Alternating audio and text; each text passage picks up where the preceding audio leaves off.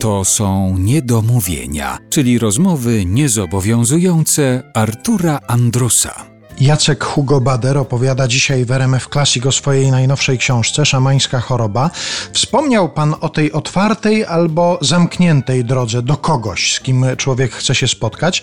I chciałem się dowiedzieć, jak to było konkretnie w tym przypadku, w przypadku pisania książki, zbierania materiałów do szamańskiej choroby. Czy miał pan otwartą drogę do wszystkich, do których chciał pan dotrzeć? Oczywiście zdarzało się też tak, że nie chcieli ze mną gadać. Tak, jak najbardziej. W wiosce Czapajew na przykład na mongolskiej granicy mi się tu przetrafił. Nie, powiedział nie, nie chcę. I cholernie żałuję, bo to był prawdopodobnie ten szaman, do którego Putin przyjeżdża pogadać. Pewnie się domyślał, o co bym go zapytał, bo też tak nieprzypadkowo do niego trafiłem. Coś tam, co nie to wiedziałem, że tam należy szukać tego szamana, do którego przyjeżdża Putin. No ale on mi odmówił, powiedział, o, ja właśnie jadę w góry. To ja pójdę z tobą. Mówię, nie, nie, ja jadę do siana. Mówię, to ja ci pomogę. Nie, nie. Nie było nam pisane po prostu pogadać. No. Mhm. Ale to przy tej okazji pan tutaj też wspomina w książce o tym, jak ta władza rosyjska odnosi się do tego typu spraw i to nawet w kontekście najnowszym, czyli COVID-19, mhm. że tam na posiedzenia Dumy przychodzą ludzie z jakimiś amuletami, które mają ich strzec przed COVID-em. No tak. Ja w ogóle planowałem, że ta książka będzie miała inny tytuł, nie szamańska choroba, tylko będą usługi magiczne. Od y, 2007 roku marzyłem, żeby napisać tę książkę, wtedy pierwszy raz spotkałem się z szamanami. Od tego momentu wiedziałem, że to jest temat, który na mnie czeka. Konkretnym powodem, kiedy ja powiedziałem, tak, to jest ten moment, ruszam, tak, zdobyłem wiadomość, że w Rosji jest, istnieje takie pojęcie jak usługi magiczne i że tych ludzi, którzy świadczą te usługi magiczne, jest więcej niż lekarzy że Rosjanie częściej idą do jasnowidzów, wróżek, uzdrowicieli, szamanów, różnych takich, co świadczą te usługi magiczne, niż do lekarzy. To jest niesamowite, przecież jakie to historie. Jeżdżąc od 30 lat do Rosji, to ja się ciągle o to potykam. Tak, to jest ten moment, ja ruszam. Ale później sobie zobaczyłem, jaki to jest ogrom materiału. Powiedziałem, no ja nie mogę wszystkiego jakby zmieścić do jednego wora. I ograniczyłem sobie. Także te usługi magiczne to nie jest do końca poważna sprawa, tak sobie wymyśliłem. A szamanizm jest bardzo, bardzo, bardzo poważną sprawą. Nawiązując do tego, w jaki sposób w Rosji ludzie podchodzą do spraw szamanizmu, do tego, że jest 800 tysięcy osób świadczących te usługi magiczne i 640 tysięcy lekarzy, Pan powiedział, że oni chętnie korzystają, że do szamana nawet prezydent tego kraju się udaje, ale z drugiej strony w języku istnieje pojęcie szamanić jako zmyślać. Mhm. W obiegowym języku, tak. Mhm czarować. Czy damę czarujesz, czy kogoś czarujesz, czy kręcisz.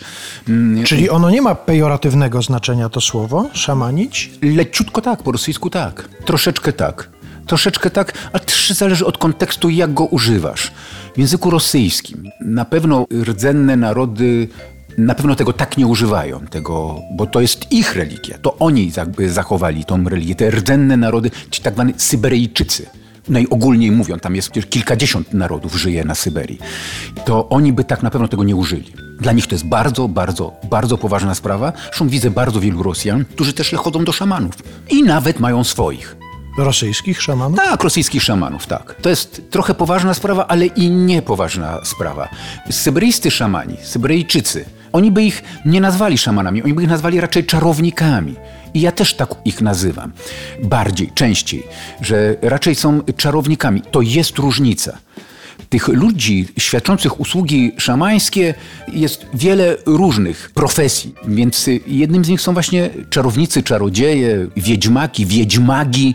To w sposób cieniujący jest troszeczkę coś innego. A szaman to jest szaman. To wiadomo, że to jest szumiński, tuwiński, hakaski, autajski, ewenkijski, eweński szaman. To tych rdzennych narodów. To jest wiadomo, to jest mężczyzna albo kobieta od religii, od leczenia, od rytuału od odważnych rzeczy. No a rosyjski szaman, który się nazywa szamanem albo czarownikiem, no to może być taki wydrwi grosz, który czaruje niewiasty i coś rodzaj między jasnowidzem a wróżką, wróżem, o coś takiego. Ale rzeczywiście też ludzie, którzy potrafią mieć naprawdę niezwykłe moce. Oczywiście nie chcemy Państwu opowiedzieć całej książki. Chcemy Państwa poinformować o tym, że pojawiła się właśnie książka Szamańska choroba Jacka Hugo Badera. I że można powiedzieć, że ona się na przykład jest do, kupienia na www.szamańskachoroba.pl. Oczywiście, że trzeba nawet o tym powiedzieć, bo to jest też przedsięwzięcie indywidualne na tyle, że nie jest w oficjalnej dystrybucji, nie jest dostępna w księgarniach, w tych największych, tylko właśnie w taki sposób jest Tak i dostępna. Najpierw sami będziemy ją sprzedawać przez internet, właśnie poprzez tą stronę y, Szamanska Choroba, a później do małych, dobrych księgarń, no później pewnie do Kolosa też wejdzie, ale najpierw chcemy sami, bo to zrobiliśmy coś takiego jak self-publishing to się nazywa, czyli jakby samodzielne wydawanie książki.